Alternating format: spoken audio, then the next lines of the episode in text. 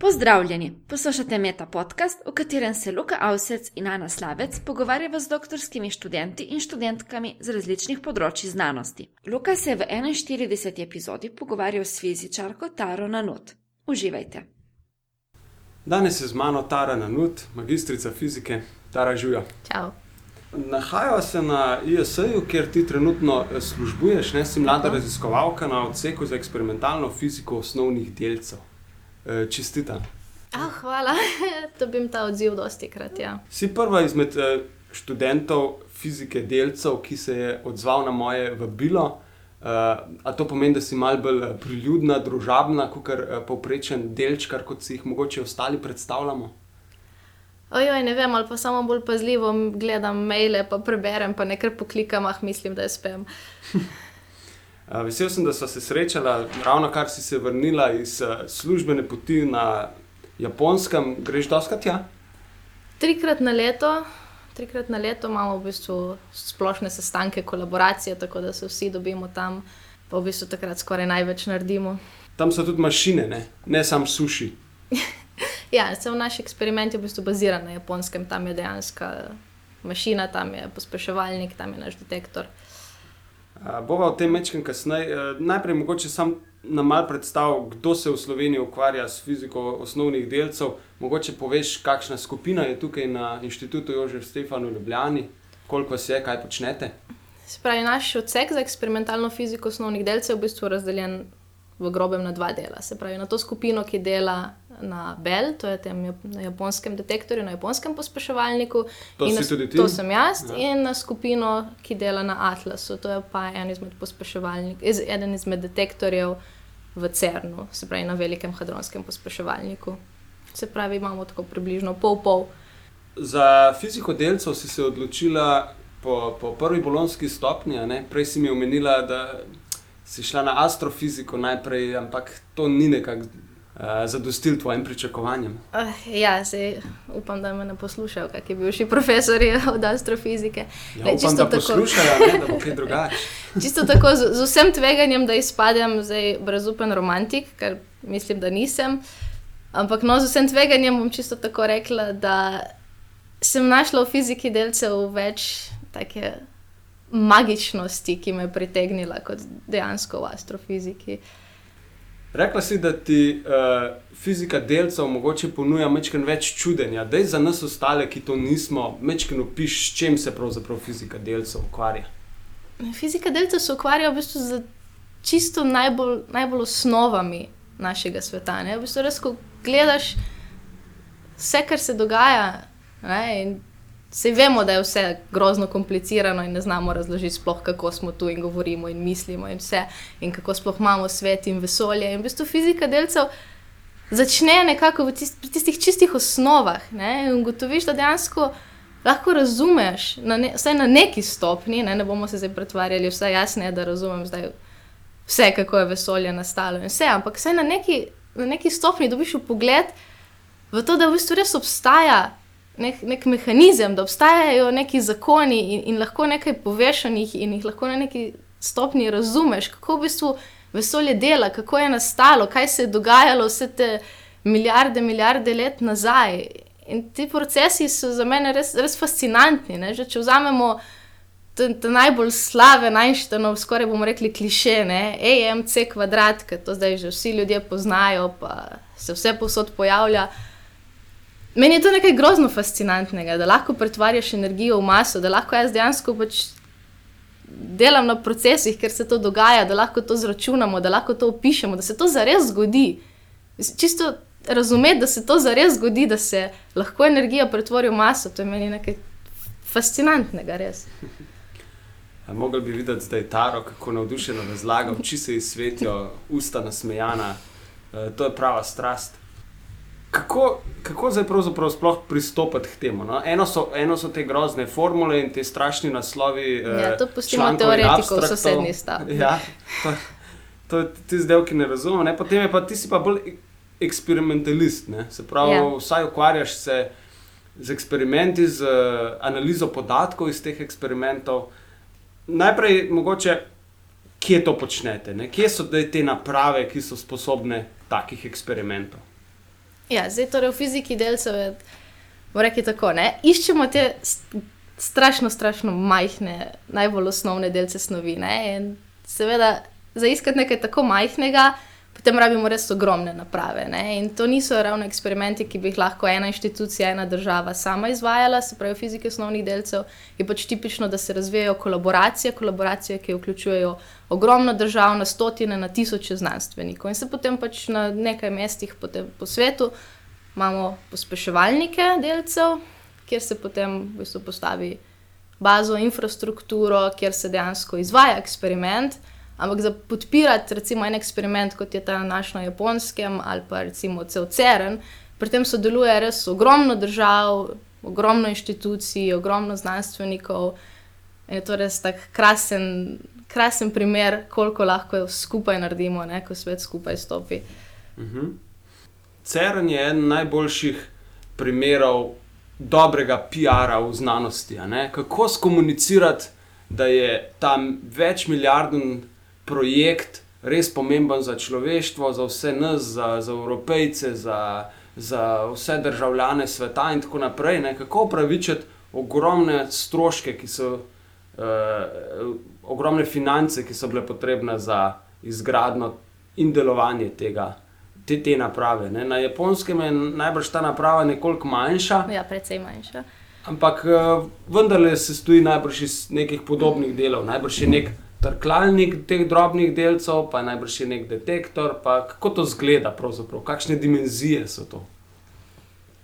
Zdaj se pravi, CERN, kot smo rekli, je dosti večji, to je 27 km obsega obroča, pri nas je manjši, je 3 km obroč. Ampak to zato, ker v bistvu delamo na dveh različnih pristopih. Ne? Se pravi, kar v bistvu CERN dela na tej ogromni mašini, v bistvu grejo do zelo, zelo visokih energij. Ne? To je en pristop k fiziki osnovnih delcev, se pravi, do neke točke smo zmerli, zdaj gremo pa k višjim energijam, pa pogledamo, kaj lahko tam dobimo. Ne? Kar naš eksperiment je v bistvu manjši, mi delamo pri dosti manjši energiji, ampak v bistvu ne želimo povečevati energije, ampak želimo pri neki energiji narediti ez, ekstremno natančne eksperimente. Ne? Se pravi, namesto da bi strašno zdaj povečali energijo in iskali nekaj novega, mi se ustavimo pri neki energiji, ki jo dobro poznamo, ker vemo, kaj se točno dogaja, in samo poskušamo doseči dosti večjo natančnost, da zmerimo v bistvu še bolj redke procese, procese, ki se jih prej še ni dalo zmeriti, torej iščemo bolj redke procese z večjo natančnostjo. Ne? Kako pa zdaj upravičiti fiziko osnovnih delcev? Mislim, da večina ljudi bo čisto zadovoljna, če jih spomnimo, da so v CERN-u izumili internet. Uh, saj jaz uh, tega sploh ne bi pol- polemiziral, meni se to zdi primer dobre prakse, nič, nič slabega v tem. Da vam mogoče sam uh, en, en kratek uvod narediti v te delce, preden se lotva širše teme, pa bolj specifične teme tvojega doktorata. Da je vsa snov zgrajena iz nekih osnovnih stvari, so vedeli že v antiki, ne, kovina, les, voda in to. ja, ne. mogoče niso točno vedeli, kaj je ta osnovni element. Ja, ne, to, to pač je bila nekaj jih je stvar, bilo, ne, saj- stvar vprašanja. Njihovi opisi se mi zdi niso bili dosti drugačni, kot so zdaj opisi delcev, ki imajo barve, pa šarm, pa tako naprej. Ne.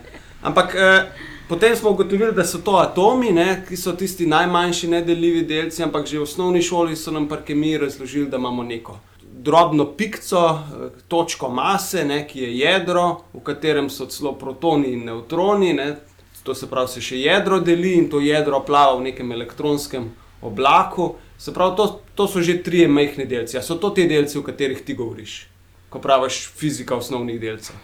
Ja, v resnici je. Ja. Mogoče fizika osnovnih delcev je včasih uh, malo neprimeren pojem, ker načeloma rečemo potem tudi protoni, nevtroni, ja jih obravnavamo kot osnovne delce, štejejo za nas, ampak v resnici, zdaj, če se ravno k tem trem delcem vrnemo, do kolikor mi zdaj vemo, seveda, so elektroni dejansko osnovni delci, niso sestavljeni dalje. Medtem ko že vemo, da proton in nevtron pa sta dejansko sestavljena iz še manjših delcev, ki jim rečemo kvarki.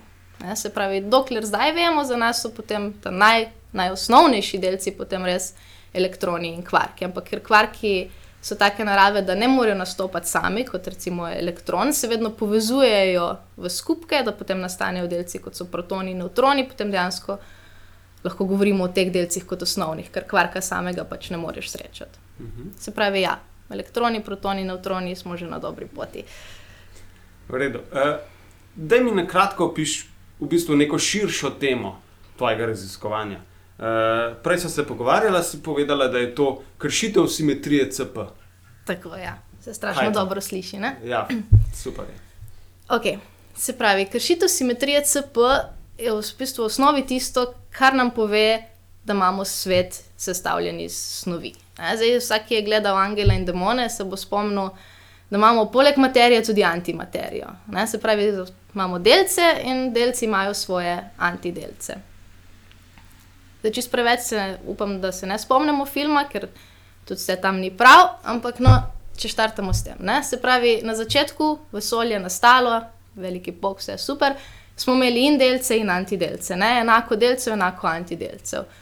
Čisto zdaj, naivno bi pričakovali, seveda, delec in antidelec, sta se pravi, kot nekako en negativen drugega, ampak v principu sta enaka. Ne? Če bi si mislili, da za njih potem veljajo enaki zakoni, spravi, če pretvorimo delec v antidelec, imamo torej vesolje, antivesolje, bi mislili, da se bo isto dogajalo, da se vse, kar velja za delce, velja enako za antidelce.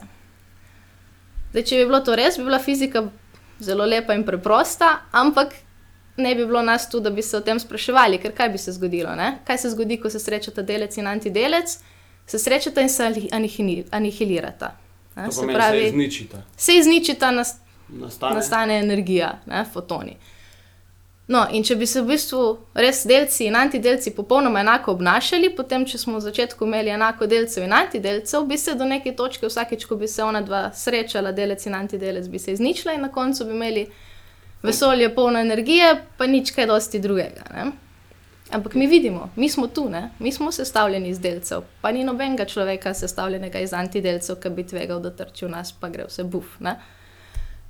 Se pravi, očitno, če imamo celo vesolje, če imamo naš planet, imamo naše osončje, imamo cele galaksije sestavljene iz delcev, pa nimamo nič iz antidelcev, se pravi, očitno ni tako enako. Ne? Se pravi, ta simetrija CP med delci in antidelci mora biti kršena. Ne? Se pravi, na neki stopnji v, v razvoju vesolja se je začelo dogajati, da je na 10 milijard parov delec, antidelec, preživel en delec več kot antidelec. Ne? Se pravi, na neki majhni stopni je neka simetrija kršena, delci in antidelci se ne obnašajo enako, in iz te male asimetrije, kaj dobimo? Dobimo celo vesolje sestavljeno iz snovi.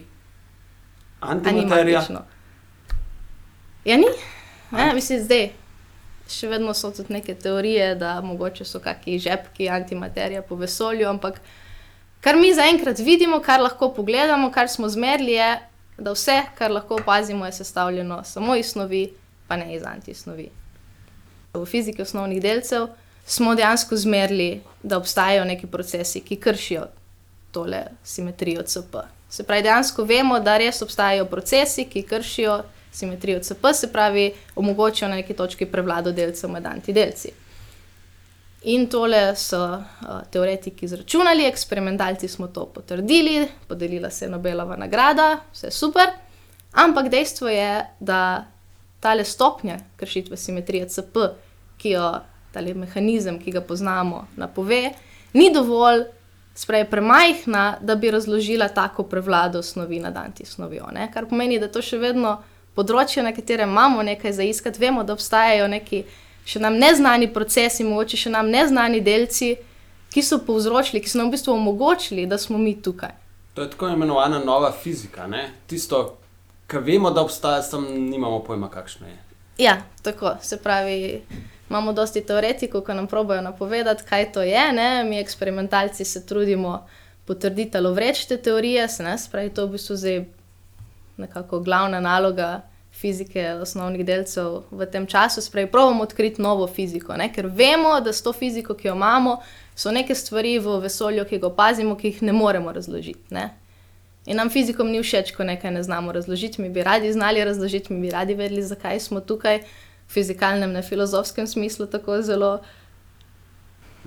In recimo jaz konkretno v svojem doktoratu študiram enega izmed razpadov, spravi en izmed razpadov enega delca, v katerem poskušam torej izmeriti, ali imamo kršitev simetrije CP in uh, na kakšni stopni je to.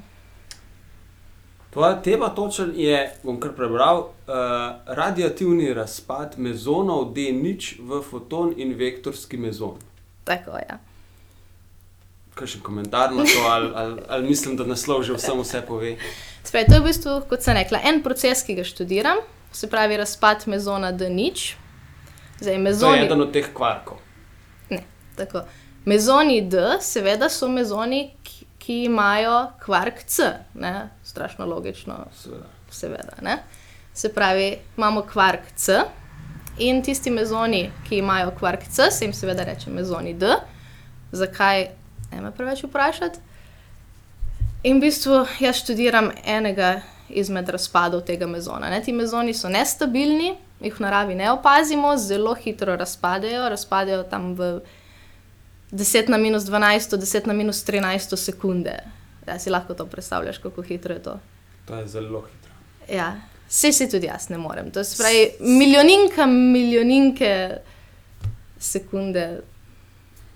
Pa, Toliko Ampak- časa on živi, nastane, toliko časa živi, potem pa razpade. In lahko razpade na ogromno načinov. Mhm. Jaz študiram enega izmed teh redkih procesov, v katerega včasih zelo poredko, enkrat na 10 tisoč, enkrat na 100 tisoč krat razpade. En teh procesov je torej, da razpade v foton in v vektorski mezon. Vse te delce vidite v recimo, tem reaktorju Bell na japonskem. Mi nič od tega skoraj ne vidimo. ne, se pravi, delec, ki živi 10 na minus 12 sekunde, seveda ga ne vidiš. Ne? On razpade, predno ti sploh veš, da, si, da je bil tam. Ne? Tako kot šuplje priče, ne? zdaj ga je, a zdaj ga ni. Kar mi potem vidimo je, ko on razpade, vedno na koncu, ko pač ti delci razpadajo dalje po verigi, vedno na koncu pridemo do nekih delcev, ki so relativno dolgo živi. Ne? In v bistvu, kar mi potem lahko zmerimo, so te na končni, končni razpadni produkti, ki so toliko časa okoli, da jih mi lahko v detektorju zaznamo. Ne? Potem pa moramo mi potem biti pa Sherlock Holmes in iti nazaj in reči, mi smo videli te pa te pa te delce. Ne? Se pravi, no, videli jih nismo. Mi, mi smo v bistvu, kar smo videli, je, kako se je naš detektor odzval na nekaj ekstremno majhnega, kar je letelo skozi. In mi sestavimo ta detektor tako, da nam različne komponente potem povejo, aha, tukaj pa je letel mimo delec z takim nabojem. Potem nam druga komponenta pove, aha, tale delec je imel pa toliko pa toliko energije, tale delec je letel tu pa tu, se pravi, lahko zmerimo, kakšno gibalno količino je imel. In spravi iz vseh teh podatkov lahko mi potem rečemo, aha, taka masa, taka gibalna količina, tak naboj, to je bil z največjo verjetnostjo, recimo, nabit pion ali pa elektron ali pa foton za torej tako maso, tako gibalno količino. In potem, se pravi, opišemo te končne delce in potem gremo sestavljati nazaj. Ne? Se pravi, rečemo, aha, če imamo vse te tri delce, pa če vemo, kako so šli, pa potem pogledamo, iz kje so verjetno prišli, pridemo do ene točke. Če rečemo, da tri delci vidimo, da izhajajo iz iste točke, je to verjetno tista točka, kjer je en težji delec, recimo mezon, da nič razpadel. Potem pa on je prišel iz še ene prejšnje verige. Poiskati zdaj še en delec, ker tale naš mezon, da nič, pa še recimo nabit pion, prihajata še iz ene točke, pa rečemo, aha, tam je bil pa mezon, da zvezdica plus. In tako potem sestavljamo to verigo nazaj, dokler ne uspemo nekako sestaviti, kaj se je zgodilo v tem detektorju. V bistvu smo detektivi. Vidim, da gre za zelo dramatičen eh, proces. Eh, tudi eh, imena teh eh, delcev so, so zelo poetična. Mezon, D, zvezdica plus. To je neverjeten, uh, inovativen Ja, zato- preskok uh, fizike No, delcev. če, če, če to malo polepšam, v bistvu mezoni, smo rekli, mezoni D so tisti mezoni z kvarkom C. Ne? Kvark C ali po angliško charm, kvark to je v bistvu čarobni kvark. Ne? To je njegov ime. Spravi, to so čarobni mezoni. Se pravi, cela ta fizika mezonov D, charm physics, to je čarobna fizika. A zdaj kaj Mhm. boljše zveni? Ja, zelo, zelo boljše zveni to. uh, dobro. 21 minut, pa pol. Uh, sva že Mhm. predolga. Mhm. Za vse eh, tiste, ki vas uh, podrobneje zanima uh, Tarino delo, bomo v opisu podcasta polinkali uh, nekaj člankov, tako da si boste lahko tiste podrobnosti, pa vse tiste uh, matematične kvake uh, malo bolj natančno ogledali. Uh, za vse nas bolj družabne tipe pa prihaja zdaj. Uh, Zaključna rubrika, standardni set vprašanj za vse intervjuvance, tako da te še malo uh, spoznamo. Uh, Aha, a sem že dovolj slavna, da ljudi to zanima? Ja, mislim, da jih, no, seveda. Ne. Uh, prvo vprašanje je, kaj bi bila, če ne bi bila znanstvenica, kakšne so bile mogoče tvoje alternative v opisu na univerzo? Mislim tako, če ne bi bila znanstvenica v fiziki osnovnih delcev, bi verjetno bila znanstvenica kje drugje, na kakem drugem področju. Da ne bi bila znanstvenica, si pa sploh ne znam predstavljati. Koga od nam znanih ali neznanih bi povabila na večerjo, če ne bi bilo nobenih omejitev? Oh, to je težko, s tem sem se dosti ukvarjala. Mislim, da bi povabila svoje prababice za tako tri do pet generacij nazaj. To pa je kreativen odgovor. Vidite ja. zdaj, vidite zdaj poslušalci? Ne? Uh, če bi imel... vem, mogoče pa so bili moji predniki bavarski grofi. Ne? Nikoli ne veš, to bi bilo skoraj zanimivo vedeti. Ne? pa neka bogata dota, ki se je obetala, kar tudi ne bi bilo slabo najbrž. Če bi imela milijon evrov za poljubno raziskavo, kaj bi delala? Zdaj, kot sem rekla, ne, zdaj, fizika osnovnih delcev je mogoče malo drugačna od vseh ostalih, v smislu, da imamo res te ogromne kolaboracije, kjer ogromno držav in inštitucij prispeva. Tako da mogoče milijon evrov si ne boš ravno postavil svojega eksperimenta. Se pravi, kar nariši potem, da pomagaš pri enem od obstoječih eksperimentov. Za začetek bi kupila nove fotopomnoževalke z dolgo življenjsko dobo za naš eksperiment BL2. Kje si vidiš čez pet let, kaj boš delala čez 40 let? Čez pet let računam, da bom nekje v tujini na pozdoku, čez 40 let pa upam, da bom kje, ker zdaj ne morem napovedati, ker bo nekaj tako novega. Sprav, še vedno v znanosti, ne plaža, ja. koktejl. Ja, Mogoče pa bomo postavili eksperiment, ki je na kakem področju, ker so tudi plaže, pa koktejli. Nam lahko priporočiš kakšno knjigo, igro, film, spletno stran, podcast. Tako. Jaz sem se dolga leta izogibala štoparskemu vodniku po galaksiji, ker sem pač na nesrečo najprej pogledala film, pa sem se zdaj pustila prepričati prebrati knjigo, je tako zelo popularna stvar tukaj, tudi na drogah na fakulteti. Vsako leto izobesimo brisačo ob pravem dnevu. In moram reči, da priporočam zdaj vsem, ki še niso. Če pa koga sem strašno navdušila, pa ga zdaj zanima fizika osnovnih delcev, potem bi recimo priporočila blog Resonances z dvemi AI. S čim se zamotiš in kakšne izgovore si izmišljuješ, ko zavlačuješ ali odlašaš pri stvareh, ki jih moraš narediti? to lažim se in se prepričujem, da vse sem dovolj dobro, da mi bo uspelo tudi v krajšem času narediti. Okay. Ja, še zadnje vprašanje. Je kaj v tem trenutku, kar bi ti lahko drastično izboljšalo kakovost življenja? Veš kaj, če bi Slovenija končno postala članica CERN-a? To je bilo res super. kaj, kaj nas loči do tega? Politika. Kaj nekih, okay. koliko milijonov? Mislim, da za začetek bi bilo do okoli 3 milijone na leto, nekaj ja. takega. Darujem tisti en milijon odprej. Tara, no, hvala za tvoj čas. Hvala tebi. Poslušali ste Meta podcast, ki ga pripravljava Luka Avsec in Ana Slavec. Pogovarjava se z mladimi znanstveniki in znanstvenicami, ki so pred zaključkom doktorata z različnih področji znanosti. Meta podcast domuje na spletišču znanost.metinalista.si, v drugi sezoni pa sodelujemo tudi z Društvom mladih raziskovalcev Slovenije. Pohvale, pripombe in predloge za bodoče goste nam lahko posredujete po e-mailu znanost.afna.metinalista.si ali pa nas poiščite na Facebook profilu Metinaliste in na Twitterju, kjer uporabljate uporabljava hashtag metapodcast. Luka tvita kot at inlife, jaz pa kot at aslavec. Se slišimo čez 14 dni.